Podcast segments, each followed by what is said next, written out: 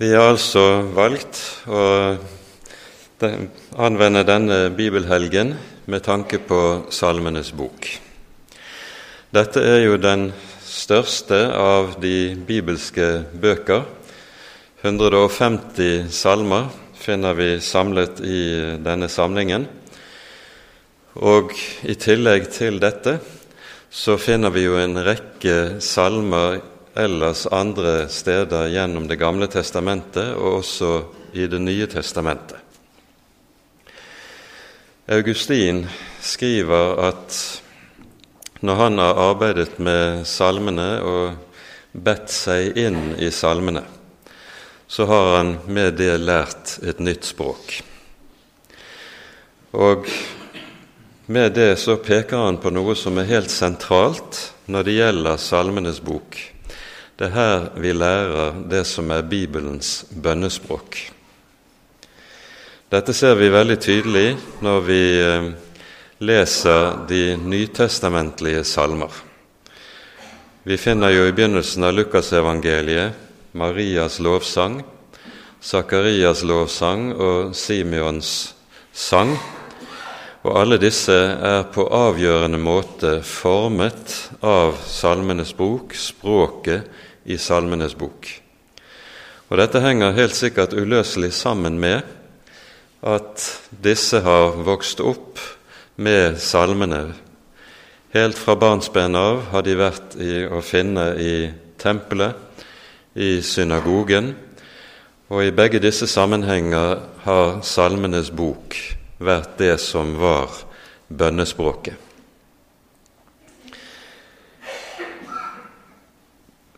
Vi finner at eh, David Dette omtales i krønik, første krønikebok, hvordan David organiserer eh, tempelsang og tempelmusikk i det tempelet som skal reises.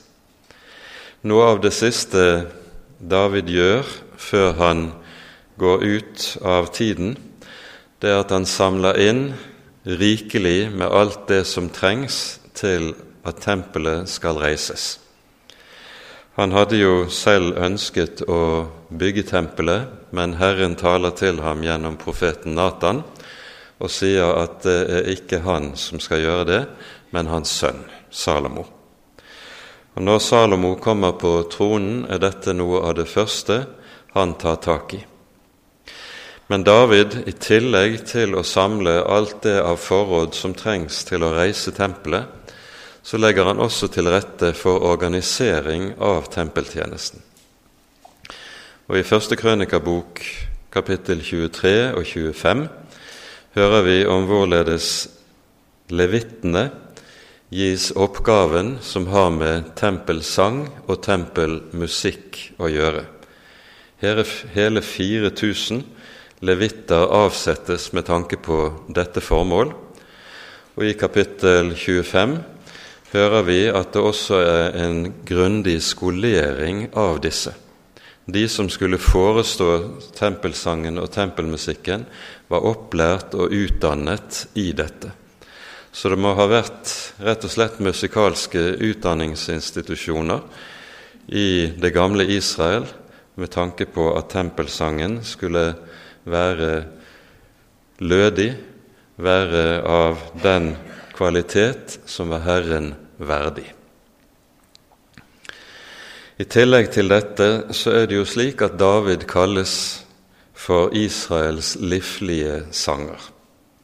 Mer enn halvparten av salmene i Salmenes bok tilskrives David, eh, en, og en rekke av de øvrige tilskrives noen av de sangere som David står innsetter til tjenesten, bl.a. Asaf og Jedutun, som vi hører har forfattet en rekke av de øvrige salmer. Og Så er det en god del salmer vi også ikke kjenner forfatterne til. Det får så være. Men det vi vet, det er at Salmenes bok var det som utgjorde ikke bare ryggraden i tempelmusikken, den, det var det som ble sunget i tempelet. Og Da var det organisert på en slik måte at først og fremst i forbindelse med morgenofferet, det faste offer som ble kalt for tamid, der det ble ofret et lam eh, til soneoffer hver morgen og et lam til soneoffer hver aften. I forbindelse med dette så foregikk morgen- og aftenbønnen i tempelet. Og vi kjenner til meget konkret hvilke salmer som ble sunget i forbindelse med disse eh, samlingene i tempelet. Det var vanlig for folket i Jerusalem, så sant de hadde mulighet til det, å samles i tempelet i forbindelse med morgenofferet, og det samme også i forbindelse med aftenofferet. Hver morgen ble Salme 145 til 150 sunget i tempelet.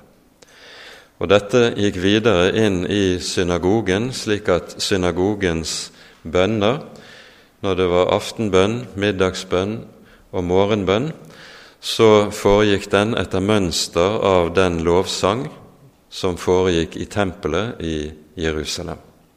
Forskjellen mellom eh, det som foregikk i tempel og synagoge, var at i synagogen var det ingen instrumentalmusikk. I tillegg til at det selvfølgelig ikke var noen ofring i synagogen, det foregikk utelukkende i tempelet. Synagogen var det sted der Israel samlet seg til bønn om Herrens ord, og der Herrens ord ble lest og utlagt. Og Vanligvis var, samlet en seg også der morgen og aften, og i alle fall så ville synagogesamlingen på sabbaten være hovedsamling. I tempelet i Jerusalem ble på sabbaten sunget i tillegg til de faste daglige salmene Moses sang. Og Moses sang, det var 5. Moseboks 32. kapittel, som ble sunget på, i forbindelse med morgenofferet. Og det var 2. Moseboks 15. kapittel, som ble sunget i forbindelse med aftenofferet. Så når vi i åpenbaringsboken, kapittel 15, hører om hvorledes skaren som har nådd målet i himmelen, synger Moses og lammets sang, så gir dette en antydning om at nå har de nådd til den evige sabbats hvile. De synger de salmer som ble sunget sabbaten i tempelet. Når vi nevner Salme 145 til og med Salme 150, så har vi der for oss noen av de viktigste lovsangene i vår salmebok, eller i Salmenes bok. Det er jo slik at eh, i Salmenes bok finner du eh, lovsang som ble sunget offentlig, men du finner også det du kan kalle mer personlige eller private lovsanger. Salme 23, f.eks., som er meget kjær for mange, Salme 103 likeledes, det var personlige lovsanger som også ble brukt i det personlige bønneliv, og ikke hadde en slik fast plass i den offentlige tempeltjenesten i Jerusalem. I tillegg til Salme 145-50 så har vi de salmene som kalles for Hallel.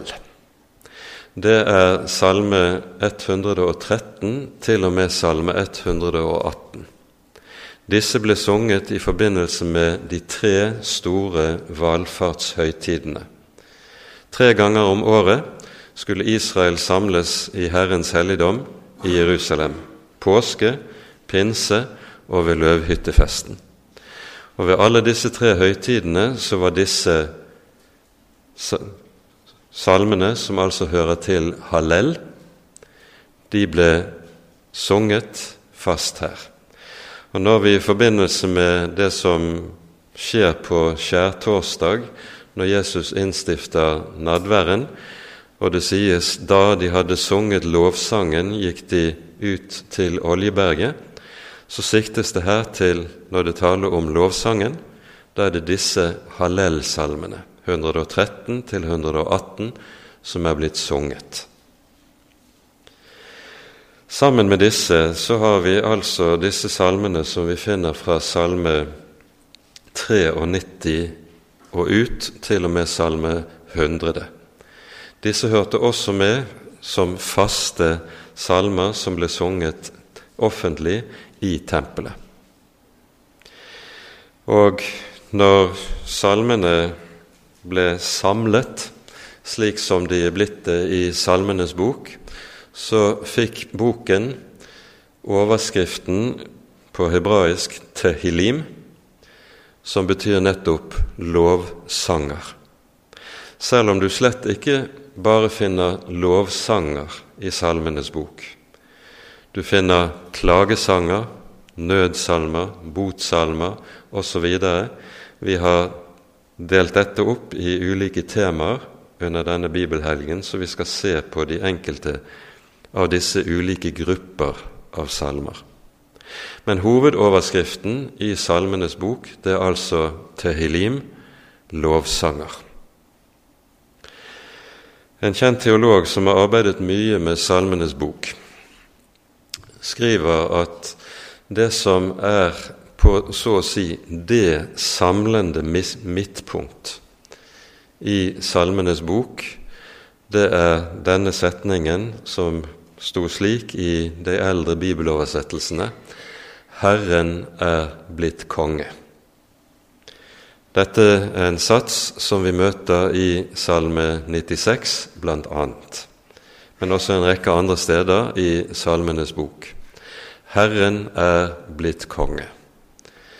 Ehm, I nyere oversettelser så oversettes det ofte 'Herren regjerer'. Og Problemet med oversettelsen det er rett og slett at på hebraisk så er det å være konge det er et verb. Så skulle du oversette det helt bokstavelig, så måtte det oversettes 'Herren konger'. Eh, og det er jo ikke akkurat god norsk, men eh, det er det som ligger i oversettelsen. Så når det står 'Herren er blitt konge', så siktet det ikke først og fremst til at han har så å si dette embetet, denne stilling, men det sikter til dette at han er den som aktivt er den regjerende i himmel og på jord. Og det at Herren er konge, det er det grunnleggende i Israels lovsanger. Det er som folkets konge og som skaperverkets konge han lovsynges. Og Dette er uhyre viktig å være klar over. For når Herren lovsynges i Salmenes bok, er det ikke utelukkende som Israels folks herre, konge og frelser og forløser, men han lovsynges også som altets skaper. Og Dette er viktig å være klar over med tanke på det som jo var tenkningen i allment i hedenskapet.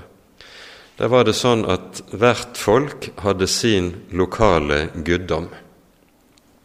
Og Den lokale guddom var guddom for et bestemt folk, og gjerne da også for et bestemt område. Men disse lokale guddommer var ikke universelle i sin makt. Men det det lille folket Israel sier om sin Gud og bekjenner om sin Gud, det er at deres Gud, om de er et aldri så lite folk, han er den allmektige som har skapt himmel og jord, og derfor også den eneste som fortjener tilbedelse. Alle de andre guder, de er tomheter, de er intetheter, og dette er det en hyppig gjenklang av ikke bare hos profetene, men du finner det også i Salmenes bok. Salme 147 begynner slik. Lov Herren, for det er godt å lovsynge vår Gud. Det er herlig. Lovsang sømmer seg. Og Når lovsang sømmer seg, så henger det sammen med at dette er det som Israels folk så å si er kjennetegnet ved. Samme forfatter som peker på at denne setningen 'Herren er blitt konge' er så å si det sentrale som alt i Salmenes bok sirkler rundt. Han peker også på hvorledes Salme 100, denne lille salmen på bare fem vers, er en salme som så å si utgjør eh, en vesensbeskrivelse av hva salmene egentlig dreier seg om. Og Før vi går inn på de to salmer som er satt opp i eh, programmet, Salme 96 og Salme 145, så skal vi ganske kort se på Salme 100 en salme til lovprisning. Rop med fryd for Herren, all jorden. Tjen Herren med glede. Kom frem for Hans åsyn med jubel. Kjenn at Herren er Gud. Han har skapt oss, ikke vi selv, til sitt folk og til den jord han før. Gå inn gjennom hans porter med takkesang, i hans forgårder med lovsang. Takk ham og pris hans navn, for Herren er god, hans miskunnhet varer til evig tid, og hans trofasthet fra slekt til slekt. Hva er det denne salmen gjør? Det er en salme som bærer i seg det som har vært kalt for en inngangsliturgi. Det er en salme som synges idet Guds folk trer inn i Herrens helligdom for å samles for Hans åsyn. Og det er enkelte kirkesamfunn som faktisk anvender denne salmen som inngangssalme til sine gudstjenester, som en fast liturgisk ledd i begynnelsen av gudstjenesten. For poenget med denne salmen det er jo at her trer Guds folk inn for sin Herre. Og så sies det 'Tjen Herren med glede'. I Den norske kirke er jo denne setningen ført inn som et utgangsord. Gå i fred og tjen Herren med glede, sies det når folk går ut av kirken. Men her er hele poenget det at når man samles i Guds hus, så lyder det der tjen Herren med glede. For nettopp dette er et av de grunntrekkene som kjennetegner Israels samling for Herrens ansikt, enten det nå foregikk i tempel eller i synagoge. Gleden. Gleden i Herren. Salmen setter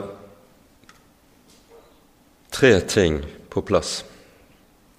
Den definerer for det første hvem er det man samles hos på Guds ansikt.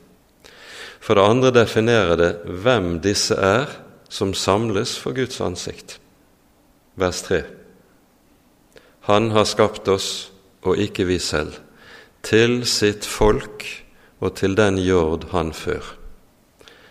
Og for det tredje så definerer den hva en kristen gudstjeneste, eller hva en bibelsk gudstjeneste er. Det er takksigelse, lovsang og bekjennelse for Herrens godhet. For det hele avsluttes med det vi leser i vers 5 for. Hva er årsaken til lovsang? For Herren er god. Hans miskunnhet varer og hans trofasthet fra slekt til slekt.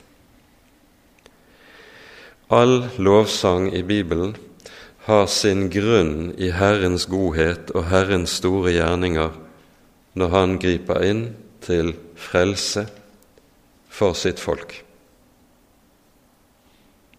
Og har dette samtidig også som tema og innhold i det som lyder. Og På denne måten så er Salme 100 altså uhyre viktig som et sånt inngangsportal, ikke bare for med tanke på når man går inn i Guds hus, men en inngangsportal også til Salmenes bok som sådan. Men la oss nå gå til Salme 96, som altså står som en av de salmer vi skal stanse litt mer opp for nå i kveld. Vi gjør det slik at vi leser Salme 96 i sammenheng før vi ser nærmere på enkeltheter i salmen. Syng for Herren en ny sang. Syng for Herren all jorden. Syng for Herren, pris Hans navn, forkynn fra dag til dag Hans frelse. Fortell blant hedningene Hans herlighet, blant alle folk Hans undergjerninger. For stor er Herren og høylovet, forferdelig er Han over alle guder. For alle folkenes guder er avguder men Herren har skapt himmelen. Høyhet og herlighet er for Hans åsyn, styrke og prakt i Hans helligdom. Gi Herren dere folkeslekter, gi Herren ære og makt. Gi Herren Hans navns ære, bær frem gaver og kom til Hans forgårder. Tilbe Herren i hellig skrud Bev for hans åsyn all jorden. Si blant hedningene, Herren regjerer, og jorden står fast, den rokkes ikke. Han dømmer folkene med rettvishet. Himmelen gleder seg og jorden fryder seg. La havet bruse og alt det som fyller det. La marken fryde seg og alt det som er på den. Da jubler alle trær i skogen for Herrens åsyn. For Han kommer, ja, Han kommer for å dømme jorden. Han skal dømme verden med rettferdighet og folkene med trofasthet.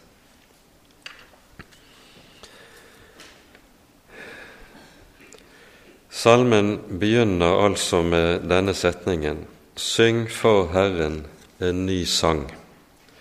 Så gjentas det 'Syng for Herren, all jorden', og så i vers 2 'Syng for Herren'. Og Dette er det første vi skal merke oss. Syng for Herren.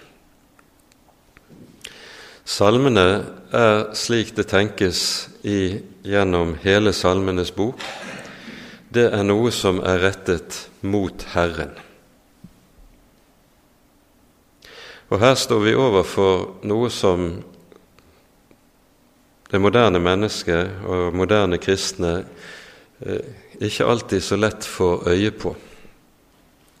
Rundt 150-60 år tilbake så begynte det en ny tenkning innenfor kristenheten. Idet man begynte å anvende kristen sang som noe som først og fremst var rettet mot mennesker. Den kristne sangen var forstått som en del av forkynnelsen av evangeliseringen, og derfor sang man for mennesker. Men i Salmenes bok er tenkningen den at man ikke synger for mennesker, man synger for Herren. Sangen Salmen er med andre ord forstått i bønnens kategori. Når du synger, så synger du for Herren, ikke for mennesker.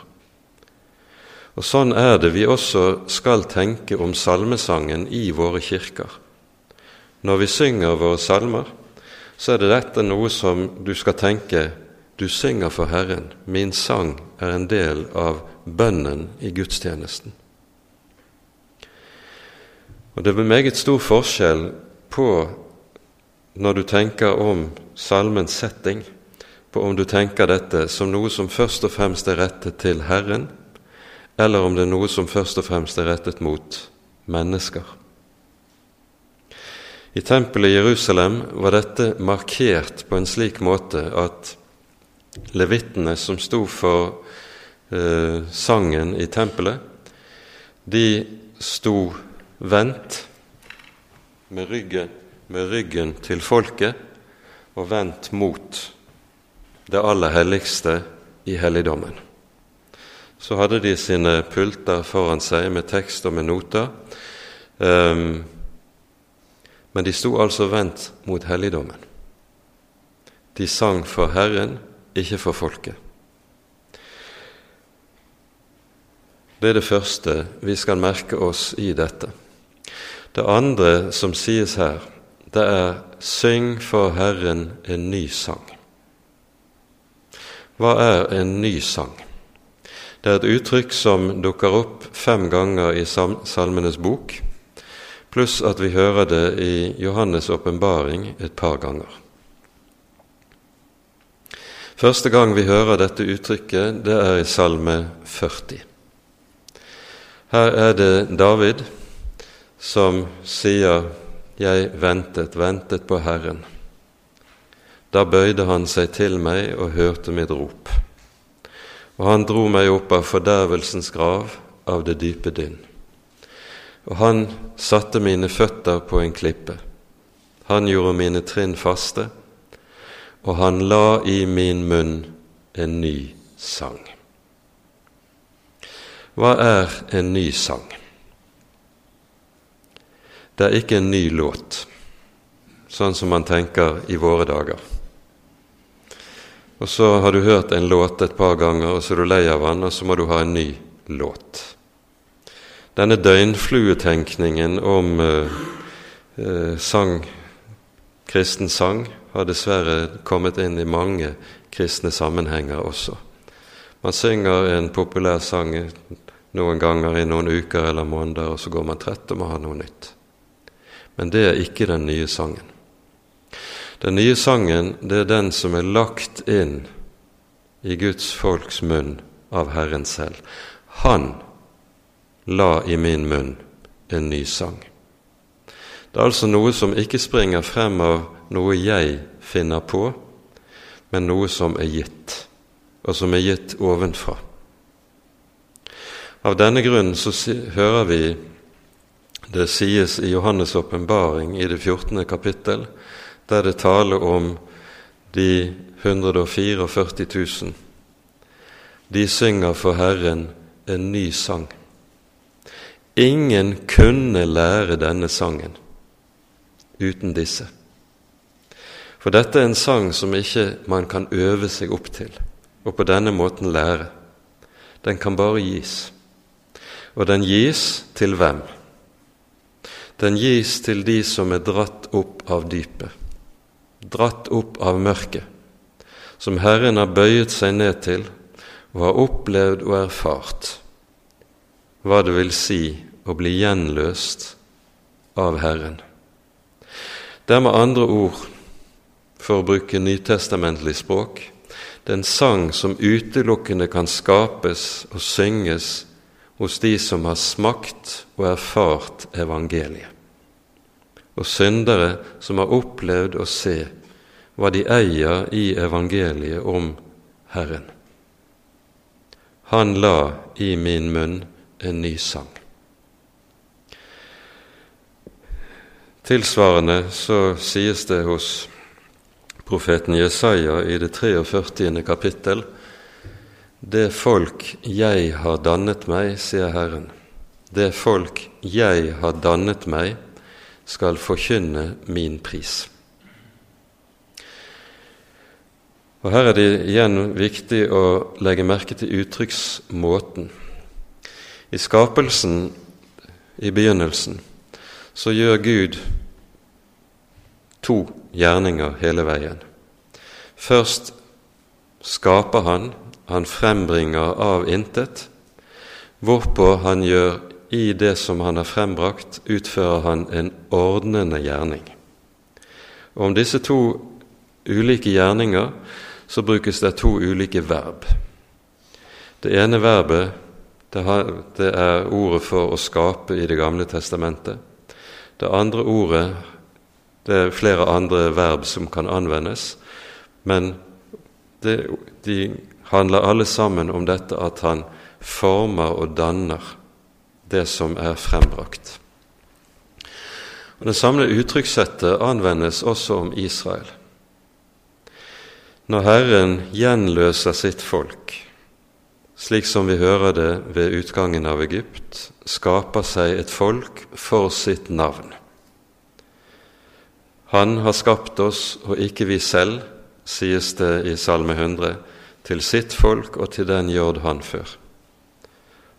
Så har Gud altså skapt et folk. Men dette folk, det er et folk som samtidig også han må arbeide med for å forme. Om Israel og ørkenvandringen har det vært sagt slik Det tok et år å få Israel ut av Egypt. Det tok 40 år å få Egypt ut av Israel. Og det er meget treffende. Og nettopp fordi Egypt, synden, verden, henger så fast i oss, så har Gud en stadig formende og dannende gjerning i sine troende. Og det er der hvor han får lov til å utføre denne dannende og formende gjerning. Det altså sies hos profeten Jesaja det folk jeg har dannet meg, skal forkynne min pris. For all rett sang og lovsang i Den hellige Skrift er nettopp en frukt av Herrens gjerning. At Han får lov til å gripe inn, gjøre sin gjerning til frelse, til forløsning og til helliggjørelse.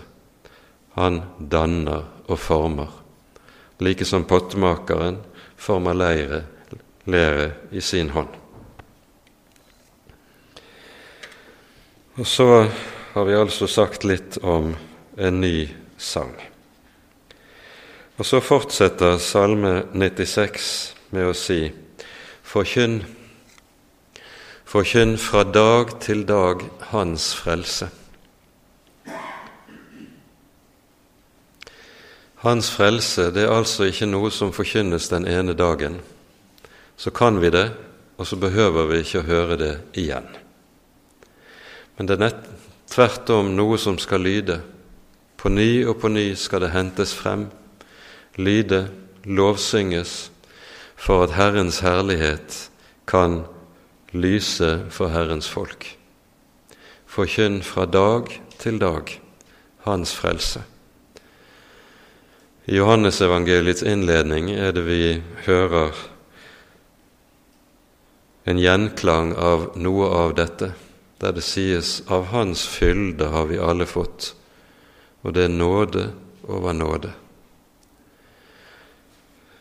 Dette har vært utlagt slik at Herrens nåde, som du mottar, er av en slik karakter at du kan ikke leve på den nåden du fikk i går. Du må ha ny nåde i dag.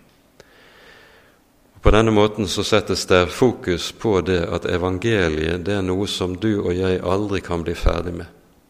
Det er noe som vi stadig trenger å høre om igjen og om igjen, og som derfor stadig må lyde i Guds folk. Som de aldri kan si om, om dette 'dette kan vi', og så behøver du ikke å høre mer om det. Der den tonen lyder, der har man mistet det vesentlige.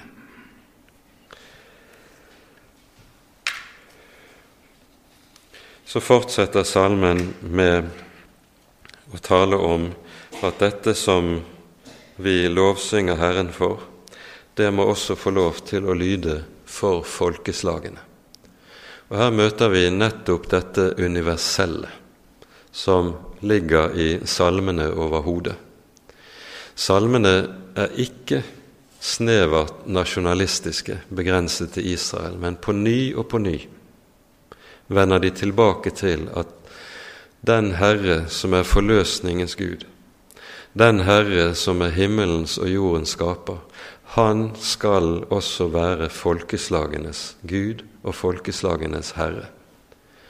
Så når Jesus, etter å ha fullført frelsesverket, sier 'gå ut og gjør alle folkeslag til disipler', så er det samme saken som han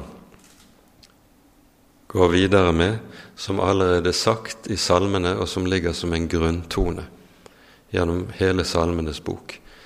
Bibelen tenker universelt, ikke snevert nasjonalistisk. Så når Israels folk er utvalgt av Herren som Herrens folk, det er de, så er de utvalgt nettopp med tanke på at dette, som er Herrens store budskap, Herrens frelses gjerninger, det er de satt til å bære frem for folkeslagene. Og dette tematiseres altså her i Salme 96. Når vi kommer til vers 6 til og med vers 10 Nei, til og med, unnskyld, til og med vers 9, så sies det noe om tilbedelsens eh, måte for å si det på en litt eh, skrøpelig vis.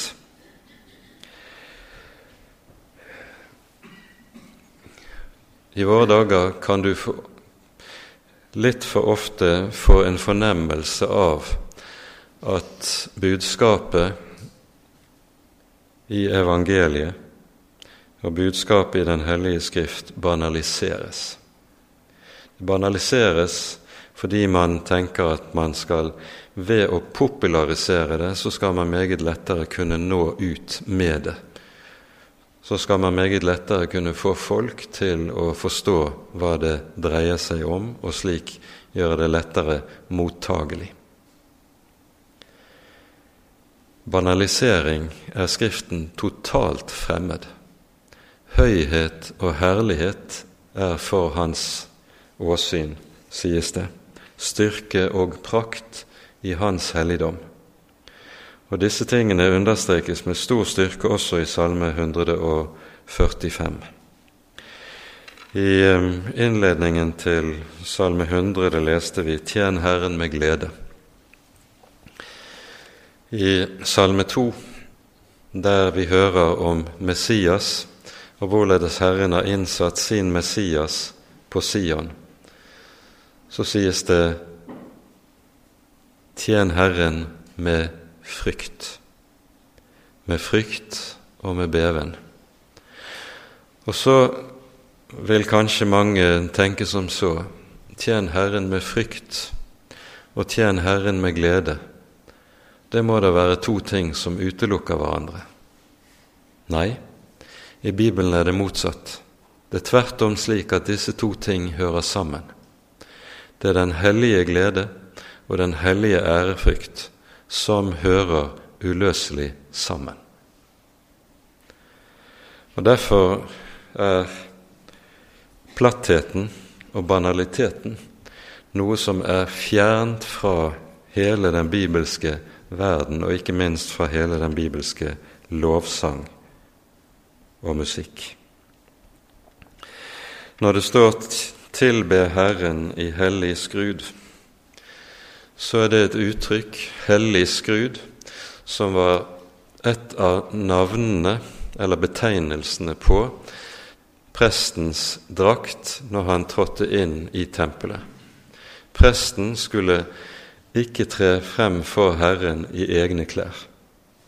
Han skulle ikle seg, iføre seg, den hellige skrud og iført den hellige skrud er det han kan tre inn for Herrens ansikt. Dette anvendes da som et bilde for hvorledes Guds folk skal tre inn for Guds ansikt. Det samme bildet Jesus anvender i lignelsen som vi hører i Matteusevangeliet, der det er en som er kommet inn i festsalen og kommer i egne klær. Han har ikke festdrakten på og blir derfor også vist ut. Hellig skrud, det er den hellighet, det er den rettferdighet som en blir iført gjennom Herrens frelsesgjerninger. Og Den hellige skrud er altså bildet på dette. Dette bildet møter vi igjen i åpenbaringsbokens syvende kapittel, der vi hører om den store hvite flokk som står for tronen med sine palmegrener. Den hvite flokken de er nettopp kledd i hellig skrud, og den hvite drakten det er prestens tjenestedrakt når han gjør tjeneste i helligdommen. Og Dette henger da sammen med det som sies om Guds folk.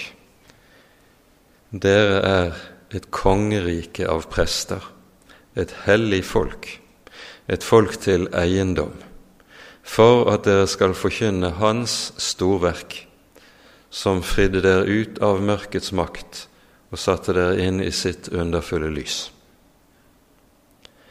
Det er det hellige folket. De er kledd i den hellige skrud. Og poenget er jo, når dette ikke, det handler om å ikke tre frem i egne klær, det er at den rettferdighet som du og jeg eier for Gud, den er en gitt rettferdighet. Den tilregnet rettferdighet det er ikke noe vi selv kan få til eller opparbeide oss til. Tjen Herren, kom frem for Herren i hellig skrud, lyder det. Og så kommer det i neste vers på ny si blant hedningene Herren regjerer. Herren er blitt konge. I eh, den 22. salmen hører vi innledningen. Det sies Du er dog hellig, du som troner over Israels lovsanger. For det er det vi møter her. Når Herren er kongen, så er han den som troner over Israels lovsanger. Han er den som troner over kirubene, hører vi i flere andre steder i Salmenes bok og hos profeten Jesaja.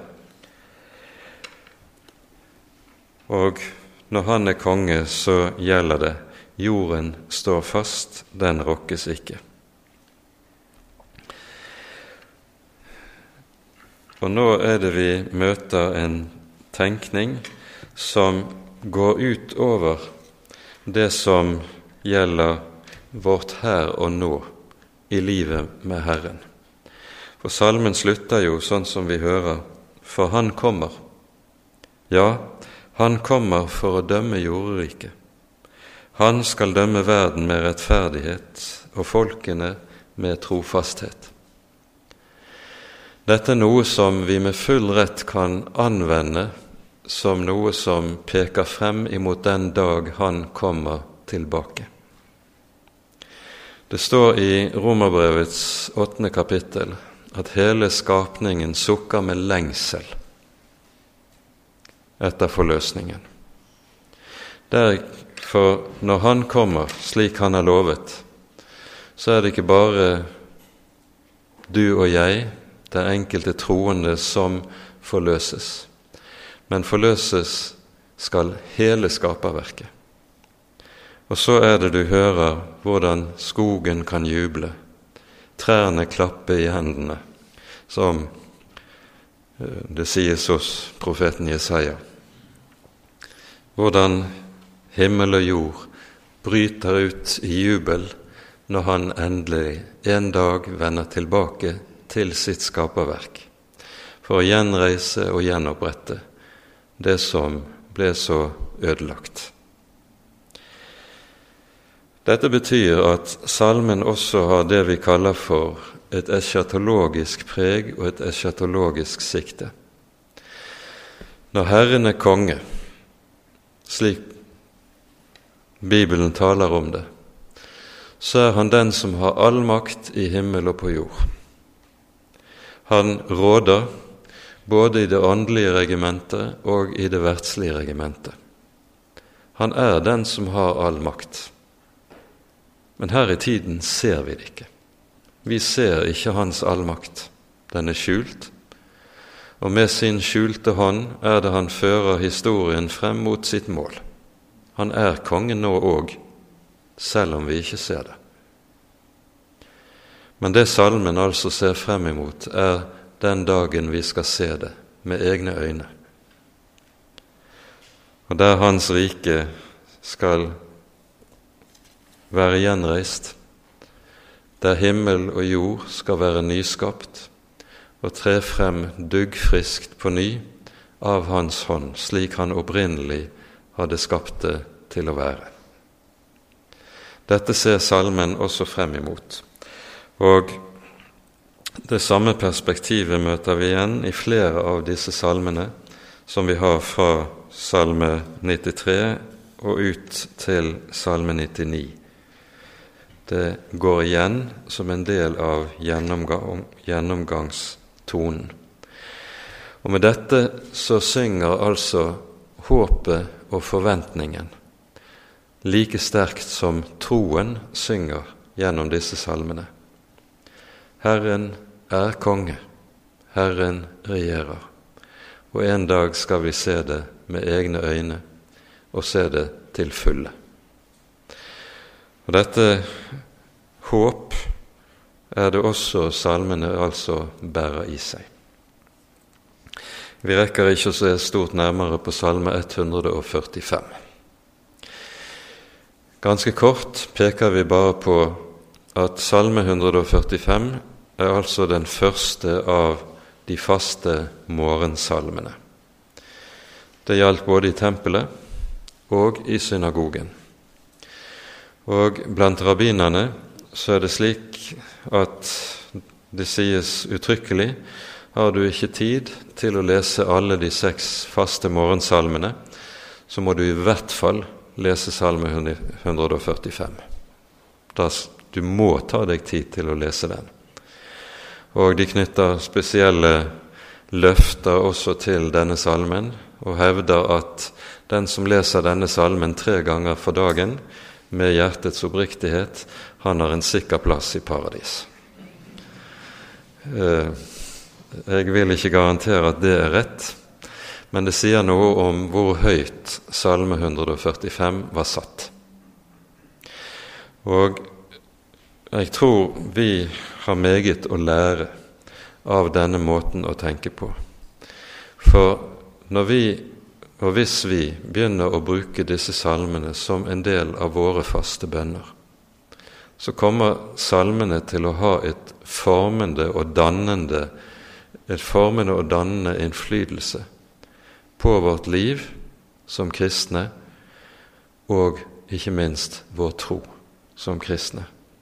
Ikke bare vil salmene være med å forme vårt bønnespråk, men det vil forme alt vårt liv som kristne. For her står vi jo overfor noe som ikke minst kanskje på norsk mark har opplevdes som noe fremmed. Det har vært vanlig å tenke sånn at når man ber med egne ord, da, det er bare da det egentlig er bønn i ordets personlige forstand. Men kan det tenkes noe større enn det å be med Guds ord? Be med de ord som Gud selv har gitt oss, slik at Guds egne ord får lov til å bli vårt bønnespråk. Når Guds ord blir vårt bønnespråk, da vil det også bli det språket som former oss. For ordet har det med oss har det med seg at det er ikke et dødt ord. Det er et levende, et virkekraftig ord som gjør sin gjerning i oss og med oss der vi bruker det og tar det til hjertet. Ære være Faderen og Sønnen og Den hellige ånd, som var og er og være skal, en sann Gud, høylovet i evighet. Amen.